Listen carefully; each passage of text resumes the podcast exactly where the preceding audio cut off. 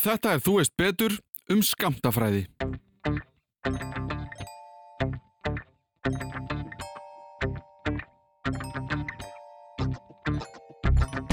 Þannig að það er ekki þannig að ein útgáfan sé bara, þess að það komi bara út ein útgáfa, heldur bara allar útgáfur mögulegar og bara heimurinn splittast upp bara endalust. Skamtafræðin er ekkert bara svona eitthvað svona esoterisk uh, fræði sem hafa ekkert með raunveruleikan að gera, þetta er bara, við raunum að segja bara öll nútíma tækni byggir á skamtafræði það sem þú sagt að skamtafræði sé svona svo kenning sem er hvað stað, mest staðfest. Að búið að gera það stöðut verið að gera tilhörni til þess að staðfesta skamtafræðina Í undanförnum þáttum hef ég oft byrjað á því að nefna umræðefni þáttarins og tala um að þetta sé allt í kringum okkur án þess þó að við tökum mikið eftir því. Sjaldan hefur það átt jafn vel við og í þetta skiptið þegar að umræðefnið er skamtafræði. Personlega hafði ég heyrt um fyrirbærið en gæti ekki útskýrta á neitt hátt. Því fannst mér tilvalið að kafa eins dýbra í efnið og fá sérfræðing til mín að útskýra fyrir okkur um hvað málið snýst.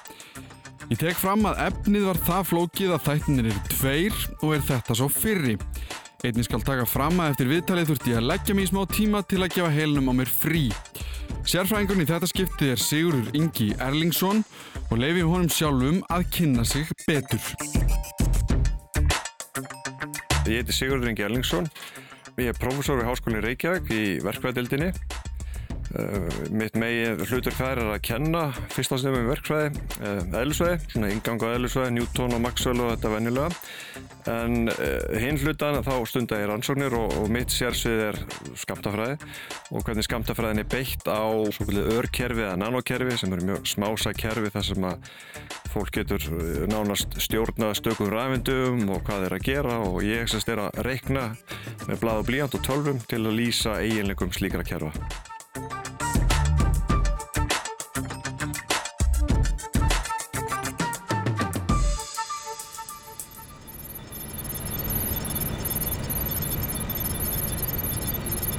Sko, skamtafræðin, það er svona, það er svona upphásfasi og svona það sem við myndum kalla þess að skamtafræðin verður til svona fullmótuð. Þessi upphásfasi er svona alveg bara upp úr aldamótunum hérna 1900 að þá fara, fara vísdamenn að sjá að það er svona ímislegt sem að þeir heldari skildu sem að fara að klikka. Til dæmis svona einfaldi hluti bara eins og hvernig ljós geyslar frá já, svona í gróðum drótnum frá ljósapöru að það stemdi ekki alveg við sagt, hvernig geyslunni heiðaði sér stemdi ekki við það sem þeir held að þeir vissu. Og svo bara byggðust alltaf upp fleiri og fleiri svona klingdu fleiri svona viðvörunarbjöllum að það væri eitthvað ekki að virka. Og þá fóru menn að byrja náttúrulega bara á Planck sjálfum sem var þýskur aðlisvæðingur stuttu setna koma einstan og það sem þeir gerði í raun þeir sögðu heimurinn er ekki samfeldur, við gerum alltaf ráð fyrir því að þú veist ef við ætlum að hækka hitan við bara getum hækkað samfeld eins og við viljum. En ef við förum á nógu lítinn skala að þá gera slutinir í þrepum. Og þaðan kemur þetta skamta hugtak eða kvantum sem þýðir bara svona ein, bara ein eining. Þannig að við getum bara breytt orkun í einhverjum svona skrefum. Þetta var náttúrulega algjörlega róttak hugmynd og margi voru mjög á móti þessu. En svo náttúrulega bara síndi það sig að þetta lísti raunveruleikanum og náttúrulega fyrir raunvísta fólk að þá er náttúrulega svona eitthvað sem mjög kannski verið ósamáli meira en svona aðal prófið er stennst þetta mælingar, er, er þú veist, við að lýsa raunveruleikanum?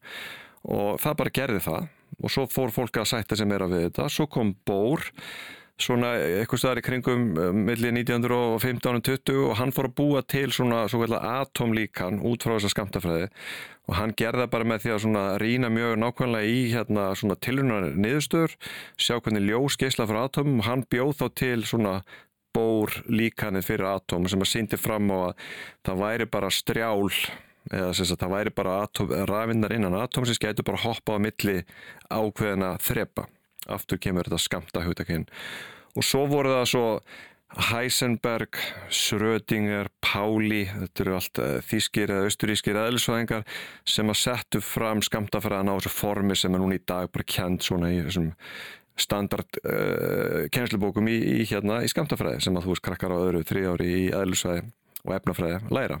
Svo hefur þetta náttúrulega bara þróast fólk stundur spyr, þú veist, hvað er skamtafræðið og, og er þetta notað í eitthvað? Og hún náttúrulega svarar er já, þetta náttúrulega lýsir bara til lótukerfi, hvernig það er byggt upp. Þegar þú er búin að læra þú veist eitt ári skamtafræð þá skilur og akkur frumörnum raða svona upp í lótukerfið skamtafræðin útskýrir efnatengi það útskýrir allt sem er að gerast inn í snjálfsímarum ykkar, það eru rafrásir sem eru það litlar að það er að beita skamtafræðin til þess að lýsa þeim. Þannig að Þetta er út um allt, skamtafræðin er ekkert bara svona eitthvað svona esoterisk uh, fræði sem hafa ekkert með raunveruleikan að gera, þetta er bara, ég raunum að segja bara öll nútíma tækni byggir á skamtafræði og svo náttúrulega ef við ætlum að fara að taka sér tölu talum um það setna hvað er að gerast núna og í framtíðina þá er náttúrulega bara skamta tölfur, það er bara tölfur sem búið að smíða sem byggja á þessum hugtökum og hugmyndum og skamtafræðinni. En mér langar samt aðeinslega staldra við sko að, að þetta byrjar mun fyrir en ég held mm -hmm. ég held þetta væri miklu nýra fyrirbæri mm -hmm. uh, þú talar um kringum aldar mútið 1900, Já. þú talar um Einstein Já. ég held mér svolítið ekki að hann hefði verið í skamtafræði, ég held að þetta hefði komið miklu setna sko, til dæmis eins og bara að því að nú þekkja flestir Einstein Já. hvert er til dæmis hans hlutverk innan skamtafræðinar? Hans hlutverk var að, sko Einstein var, var óbúslega svona, náttúrulega það efast enginn um að þessi klár en hann hafa rosalega frjór í hugsun og var óhrættur við að svona beita nýjum hugmyndum á svona, hvað við segja, svona hefðbundina standardkerfi þannig að hann tók þessa uh, ég vona að vísindasaksvægandi sé ekki mjög ósamál meira hann, hann tók þessa hugmyndum skömmturna frá Planck og bara sagði ok ef, ef heimurinn er svona þá skulle bara reikna alls í sluti út frá þessu mm. og þannig að hann gætt líst til dæmis bara hvernig hlutir gleipa ljós og endurkasta ljósi ég meina til dæmis ég er að horfa hérna á headphone sem eru svört. Það þýðir að ljósið skína á þau þú veist gleipist, ef ég var að horfa á speil þá myndi ljósið kasta tilbaka. Mm. og hann svona útskýrið þessa hluti nema bara alveg á styrum uh, mm. hvernig það er gert. Og gerði það bara mjög vel og beitti þessari hérna, skamta hugmynd. Og það var hann sem að laði grunninn að til dæmis þegar, vera, þegar fúst, krakkar í dag er að læra um leysigesla hérna, í kjenslubókum þá eru okkur stöðla sem notar, þeir eru bara kallar Einstein stöðlanir því hann, hann var að gera þessu hluti þú veist fyrir meirinn hundra árum mm. og læður hann grunninn að svona hvernig við ættum að nota þetta svo náttúrulega voru, þú veist, ég ætla ekki að fara í alla sögun en það voru náttúrulega miklu fleiri sem koma að sem er að hafa svona bara gleimst í, í hérna þóku tímans eins og gerist bara já, já, já. En, en þú veist, það er, það, það er plank sem að, þú veist, til dæmis svona grunnstærin í skamtafræði kalluð plankfastin Er hann upphafs aðilinn? Ég myndi segja það, hann, hann er svona einn af þessu köllum sem allan að setja þetta á okkar form sem aðri gáttu svo byggt ofan á mm -hmm. Þetta voru eitthvað búin að varpa fram, þú veist, þeir voru að mæla eitthvað og sá að þetta er bara alls ekkert að standast en þeir gáttu ekki tekið skrifun lengra og segja af hverju það væri ekki mm. Þannig að þú veist, það er plank og það er Einstein og svo komaðan líðan nokkur ár, Bór og svo koma Sötningar, Heisenberg og, og Páli og fleiri, menna, einn ennskur Eh, Elfsvangur sem heitir Dýrak hann var alveg skjálfilega hóvær og feimin þannig að það sem hann gerði, hann, hann saminaði skamtafræðina eins og var búa, búa hana til og uh, hérna sérstæðið afstæðiskenningu Einsteins. Og hann spáði fyrir um andeindir tilvist andeinda og fleira. Mm. og það, hann, þú veist, það er ekkert að fara út í það hvernig hann gerði það, en hann gerði það bara á svona mjög flottan hátt sko hvernig hann leysið það hérna svona starfræðilega Aðeins að hrópa út úr götu. Akkurat, mm -hmm. hann, hann var svona alveg vandræðilega feimin sko. Hver, Allir eðlisfræðingar viti hvað hann er sko. En hann, þú veist, það þekki allir kannski að hafa heyrt um Heisenberg, Jæfnvel Schrödinger en Dirac er svona, það er alltaf Schrödingers katt sem er Já, það er annað. Já, ég get útskýrt hérna svona í grófum dráttum hvað, hvað þetta gengur út á. Schrödinger og, og Heisenberg og þessi, þessir, hérna, þessi kallar þeir settu fram að það væri hægt að lýsa eiginlegum þess að smásægi agna, þú veist, til þess að rafenda, sem bylgjum. Það eru svona gegnum gangandi, maður er að leysa ykkur ákveðna bylgjujöfnu og við þekkjum alltaf hvernig bylgjur líta út, þú veist, ef maður kasta tveimu steinum honni hérna ligna tjött, þá breyðast út bylgjur og það sem bylgjurna mætast, þá myndar svona vikslmynstur. Sumstaðar, þú veist, ítist vassið bor meira upp, sumstaðar er kjört, það sem bara bylgjurnar eru, þetta er svona jákvæðið, hérna, eigðandi eða jákbylgjusamliðun. Mm. Uh, sama gildi þá um rafmyndir þá, þú veist, þú getur sendt á inn tvær rafmyndir, þær eru þá ekki svona maður getur hugsað stundum biljardkúlur þær eru ekki biljardkúlur, heldur er þetta bylgjur sem eru bara dreifðar út um allt. Og þetta tengist óvísulegum alveg Heisenbergs að þú veist, við, ef við ætlum að segja að ögnin að ferðast með eitthvað hrað veitum við ekki hvað hún er, hún er bara dreifð út um allt og mm. hefur eitthvað bylgjumeinstur og svo koma hérna tvær bylgjur og það er vikslverka og þannig að þú getur haft rafindina í einu ástandi og öðru. Alveg eins og bara þú getur sagt Bilgjan hefur, eh, hefur hérna upphæfi það sem er eitt steinni dætt í tjörnina og hinn hinnum megin. Og svo bara leggur heildarbilginu það bara leggur sama framlega frá einu steinum og hinu steinum. Mm. og það er ekkit vandamál með, með, með, hérna, með, með bylgjur, en hvað með rafeindir þú veist, getur að vera að maður getur þú veist, splitta rafeind í tvent og, og þú veist, saminna hann aftur. Mm. og það, þess að Schrödingers kötturinn gengur út á það, að við vitum öll að uh, við vitum öll, þú veist, menn voru orðin sammál um það að skamtafræðin döði til að lýsa smásján hlutum, til dæmis bara geislaverkni í einhverju na, atómi. Schrödinger sett upp eftirfærið svona hugsunar tilraun atóm, uh, þess að kjarni mælir, eitur og köttur allt lokað inn í, hérna, inn í kassa og maður getur ekkert séð inn í kassan. Þetta taka geislavert hérna, atóm og svo svona mæli sem mæli geislaverknina hvort að, að atómið sé búið að hrörna eða kjarnið sé búið að hrörna.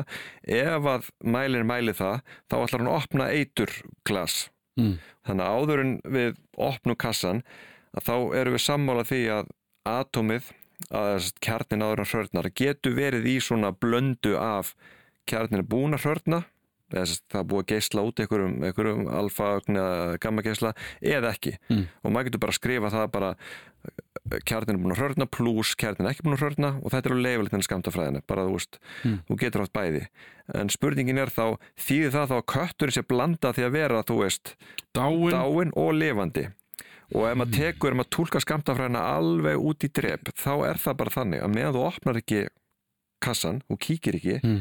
Þá veistu það ekki. Þannig að í prinsipinu þá er kötturinn blandaði að vera lifandi og döður. En ég manni við vitum það að það gerist ekki.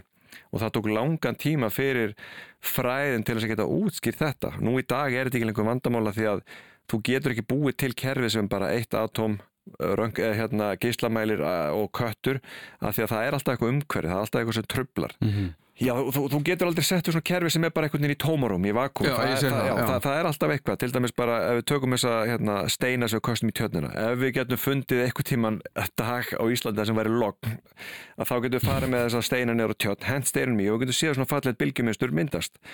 Ef við myndum nú hérna bara gera þetta á vennilegum íslensku degi það sem er rók og rigning og haglil og allir fjandinn þá myndi það trubla svo mikið bylgjumynstur við sæði það ekki. Þannig að það eru það sami og er að gerast. Þannig að þú veist í einhvern ör skamman tíma þú veist, eftir að maður svona kveikir á tilrauninni þá má segja að það sé kannski þetta ástand það sem að við vitum ekki hvort köttur þessu döður eða ekki en svo mun bara umhverfið einhvern veginn svona umhverfið að svona tala um umhverfið að mæla Mhm. uh, hérna kerfið og þá mun það bara nánast bara á augnarbliki bara fara annarkvort yfir í ef að atómið hrörnar þá er kötturinn döður ef ekki þá er hann lifandi Mhm. og það er bara önnukvor útkoman sem þú færð þegar þú opnar Einmitt. Já, það, það er allt úr atómum, það eru raf, raf eindir út um allt og þú getur aldrei tekið þær í burtu. Nei, ekki svona bara, við getum ekki gert það hérna bara inn í herbygginu en ef þú bara átt nógu mikið pening, þá getur þú keft tæki sem að geta til dæmis ein mesta tröflun er bara hitastig, hitastig er bara efnir að titra. Mhm. Þannig að fyrst að svo gerir þú að kæla efni bara niður í bara nánast niður í alkul eða bara nokkur tugi hérna þúsundast úr alkuli. Svo þetta kaupar eitthvað, eitthvað, eitthvað svona skýlingu sem að slekkur á til dæmis rafsegulgeislun, þannig að það sé ekki út af spilgjur og bla bla trubla. Og svo til dæmis sem ég lærði í, í Hollandi í Delft að þar hérna var rosa stór bygging með allskist tilnárstofum og svo átt að leika tram, sagt, hérna, svona tramlínur svona uh, léttlesta þarna. og það var mikið áhugjefni.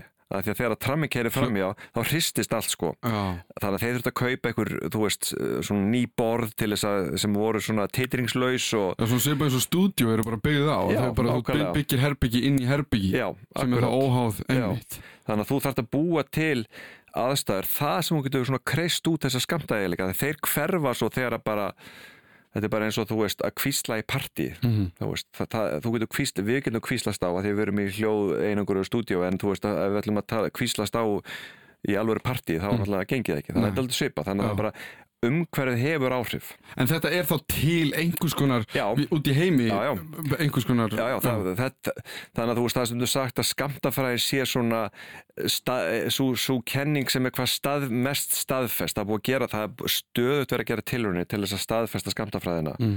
og þannig að þú veist, það eru nekkert nema kannski, þú veist, það er til ákveðin hópur af vísdamennu sem er að skoða svona þessu kvöldum túlkun eða interpretation, Mm. hvernig túlka maður skamtafræðina og það er bara heil bara fræði grein. En ef þú fer núna að tala við þú veist 99% af öllum þeim sem er að gera tilrunni í þessu og er að mæla og fá okkur niðurstöðu sem það geta prent á tölvuskjánum að þá nota þið bara svo svona hefðböndu túlkun sem að þú veist flesti læra bara í kænslubókum og, einhverjir sko tólkett alveg drep og vilja reyna að skýra hérna, meðvutund og þetta látur skamtafræðinni, svo til annar hópur sem að er hérna, sem að ég aðheilist sem er bara þegið og reiknað þú veist, ekki vera pæl og mikið hvað er gerast bara reiknað, þú fær niðurstur og þú veist það lýsir raunverulegan, málið er dögt Mhm. og svo með þessi annar hópur sem þessi dýrak sín undir til er að það er bara svona, mér er alveg sama hópurinn. Hann bara Þá hugsa alveg ekkert út í um það. hvað? Já, hann, hann sagði bara, ég er þetta með í jöfnur, ég er með starffræði kenningu Mm. sem að lýsir mörgum hlutum sem að eiga sér staði í náttúrunni og einst lengi þessi ke- kenning sé svona consistent eða svona samkvæm sjálfur sér, þá er hitt bara alveg sama. Já.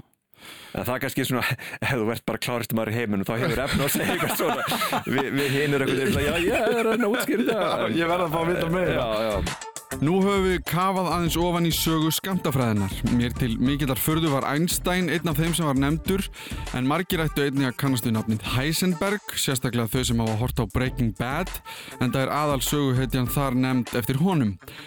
Bohr var síðan líklegast eitt svo stærsti í bransanum, við komum meira að því á eftir en uh, ég velti fyrir mér hvort að skamtafræðin sé þá nákvæmasta eða smæsta eining sem við komumst í til að fræðast betur um heiminn sem við búum í. Stuttasvar er, er, þú veist, nei, við getum ekki komist í smæri eininga til þess að lýsa kannski það sem skiptir okkur máli á jörðinni. Mm. Svo náttúrulega eru, eru, eru hérna aðra kenningar sem að fara ennþá dýpara til þess að svo bara strengjafræði eitthvað svolítið sem er að lýsa einhverju bara á ennþá, ennþá minna leveli sko. Mm. En það er, þú þarft það ekki til að lýsa bara hvernig svona hinn hefðbunni efnatengi og bara hvernig, hvað, hvað við segja, svona jarneski hluti virka. Mm við getum útskýrt bara 99,99% af öllu sem er að gerast í kringum okkur með bara svona henni hefðbundu skamtafræði Já. En hún er samt getur verið mjög flókin og, og, og það er kannski skemmtilegt að segja frá því hérna, sérst það til eitthvað sem að kallu svona kaupnarnatúlkurinn, náttúrulega Níels Bór uh, hérna var frá kaupnaröfn og var svona aðalgaurin í þessu um langan tíma. Og hann bjóð til þess að svo kallu kaupnaröfnatúlkun og partur af henni var til dæmis bara að það væri bara rauð lína milli klassísku eðlisvæðinar, þú veist, það er bara Newton og allt það, það er bara hérna megin. Og hinum megin er bara skamtafræðin og það er engin svona, ekkert grátt svæði, það er bara eitthvað rauð lína en svo náttúrulega hafa, þú veist, núna í dag er stöðut verið að gera tilraunir og með því að þú veist uh, með betri efnum og, og, og nákvæmur mælitegjum þá, þá er alltaf verið að færi þessa, þessa rauðu línu lengra. Af því að þú veist, það er að lýsa, nota skamtafræði til dæmis til þess að lýsa hlutum sem að allan að bór hefði kannski ekkert ímyndað ímynda sér, til dæmis eins og þessi tveggja tveggja raufa tilraun eða Youngs tilraun Mm. það sem að hún er hugsuð svoleiðis bara þetta er, hún er mjög, að skilja hana bara út frá bylgjum, ég mynda bara það er að koma hérna alda, bylgja hérna frá rúmsjó og þú lætur hana fara í gegnum, sérst hún lendir á okkur um vegg en á veggnum eru tvö gött og þá sérðu að bak við veggin þá kemst bylgjan í gegnum þessu litlu tvær raufar og það myndar svona eins og hringlaða bylgjur og þær byrja að leggja saman eða eða okkur annari það myndast svona svo kvöldu viksl hérna samliðun, bylgjusamliðun Mm. og þetta er alveg bara velskilgreint og, og þetta er búið að gera Mm. og það er búið að gera þessar tilrunir með þess að það kannski var að byrja að gera þetta kannski 1980 eitthvað og þá sem þetta eru rafindar sendar og maður getur hugsað sér, þú veist, það að það er svona hefðis þessu bylgjur að það sé út af því að þetta eru margar rafindir og það er að fara í gegn og það gerist eitthvað en nú er búið að gera þess að tilhörn þannig að það er bara send ein rafind, hún fer á stað og þetta er bara ein rafind og hún svona fer einhvern veginn einhvern veginn er aðal, þú veist, ég leik áherslu á einhvern veginn, Mm. að því að þú veist, við vitum ekki nákvæmlega hvað gerist. Hún splittast svona innan gæðslega í tvent og getur svo saminast aftur hinum yfir veggin og einn eðlisfæðingur sagði hérna Feynman, hann sagði að þú veist að þessi tveggja raufa tilraun kristallega það skrýtna í skamtafræði og það getur enginn útskýrt, þú veist, af hverju. Ég menna, ég get líst í hvað er að gerast. Mm. ég get skrifað í jöfnur og líst í mig orðum en þú getur spurt af hverju. Mm. ég veit ekki. Þetta er bara eiginleiki náttúrunar, hann hefði þessu svona. Og svo er búið að gera þetta við rafendir sem að þú veist Níels Bór hefði alveg verið sammála um og ekkert mál. Það er búið að gera þetta fyrir atóm það er að kjarna og umlengitir rafendir og það er líka búið að gera þetta fyrir mjög stórar sameindir sem er inni alltaf mörg hundruð atóm. Og þau eru látin fara og þú veist þau fara í gegnum tvær raufar einhvern veginn, það veit engin nákvæmlega. Þetta Farið bara ekki gerist. gegnum rauðanar? Þeir, fa- jú, þeir fara ekki ennur raufandar en þú mátt ekki horfa, þetta er að skrýtna við skamtafræðinu, um leið þú, ef þú ímyndar að væri með steknuglir og væri að horfa á eina raufina og aðtúa fer hún hérna með henni hinum með henn, þá myndur eða Af hverju? Þetta tengist í raun bara aftur óvísulegum alveg Heisenberg að því að ef þú ert að horfa og þú sér þann að koma í einu, einu rauðvinni að þá veistu nákvæmlega hvað hún er og þá getur ekkert sagt til um hraðan á ögninni. Og þá tapast sko vikslmeistir, þá færði ekki þetta þessa bylgjusamliðin. Þannig að þetta er að, þetta er að skrýtna við skamtafræðan, það er ofti talað um bara að þessi uh, tveggja rauða tilraun raun svona holgeri, þú veist, þetta skrýtna. Mm. En ég meina, ég get skrifað henni í öfnuna og þú veist, eða þú er búin að læra skamtafræði 2-3 ár, þá getur líka skrifað henni í öfnuna og getur líst í hvað er gerast. Mm. en, en þú veist, það er eitthvað svona sem er finnst það ekki nóg, þau vilja kafa dýbra og... Einn spurning í viðbútt árunum förum úr sögunni, mm -hmm. að þú talar um þessa rauðu línu, Kaupmannhána tólkunina er eðlisfræðin eins og gamla testamentið og skamtafræðin eins og nýja testamentið? Þú veist, er eðlisfræðin gamli skólinn og skamtafræðin það sem tekur við. Já, þú meina þá klassíska eðlisfræðin, já, það má hugsaða þannig það má hugsaða þannig. Og svo eru eins og með hérna, nýja testamentið að hérna, uh, þú veist, að hafa fundist eh, bækur bara sem voru skrifar á annari þriðjöld sem voru eitthvað sem hafði aðeins aðra tólkun á, mm. á hérna trúabröðunum það er voru grafnar í hellum og þú veist, fundust bara lungu setna saman mór segja með skamtafræðan það er til eitthvað sem er svona, það er að kalla bara orthodox interpretation, það er mm. bara svona rétt trúnaðar eh, tólkunin sko, en svo eru til aðri sem eru, þú veist, svona á jæðrinum innan geðslepa og eru með aðra tólkanir og það er ekkert rámt sem að þau eru að segja en, en spurningin er bara munið að standast sko tilröðinir hvaða útgáður lýsa heiminum best mm. og mhm. niðurstöð tilröðina og kannski svona skemmtilegasta tólkurinn og, og svo sem hefur verið svona höfundu vístaskáldsagna mestur inblástur er svo kvöldu margara heima tólkurinn og það gengur út á eftirfæranda til dæmi sko ef ég er með eitthvað kerfi, ég er með eitthvað atóm og uh, ég útbý eitthvað kerfi það sem að, eða segjum bara rafend og rafendi getur verið í einu bóksi eða öðru bóksi mm.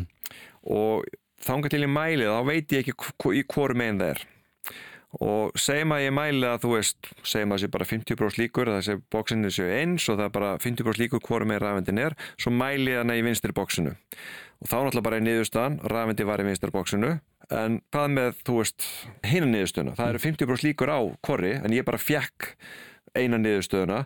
Og margra heima tólkun er svo að þegar ég mæli þá er ég ekki að velja, þú veist alheimurum splittast á upp þannig að í einum alheimi mm. mældi ég að rafendi væri vinstra megin en svo er annar hliðarheimur það sem að allt er eins nema að rafendi mældist hægra megin og svo bara heldur svo heimur áfram og þannig að til dæmis ef maður tólkar þetta alveg út í svona ist og æsar, þá getur maður sagt, þú veist, þegar þú sendið mig tölvupóst fyrir einhver vikum og þá í einum heiminum sagði ég nei, ég ætla ekki mæta viðtali, núna er ég að mæta hérna og í einu viðtali spurður mig einhverja hérna, spurningu og ég sagði að nei, orðaði svar einhvern veginn öðru sig, þannig að heimandir bara splittast alltaf upp, þannig að það er ekki þannig að ein útgáfan sé bara, þess að það komi bara út ein útgáfa, heldur bara allar útgáður mögulegar og bara heimurinn splittast upp bara endalust og þetta er náttúrulega frábært fyrir allar réttöfunda eða þá sem er að semja kvimdahandrit ég meina, eh, hvernig var það í, í gamlu Dallas á bópurinu, þú veist, það var eitthvað búið að gerast og það var svo óvinnselt að hún var látið vakna hérna og hann, hann dreymdi þetta já, bara já. sko.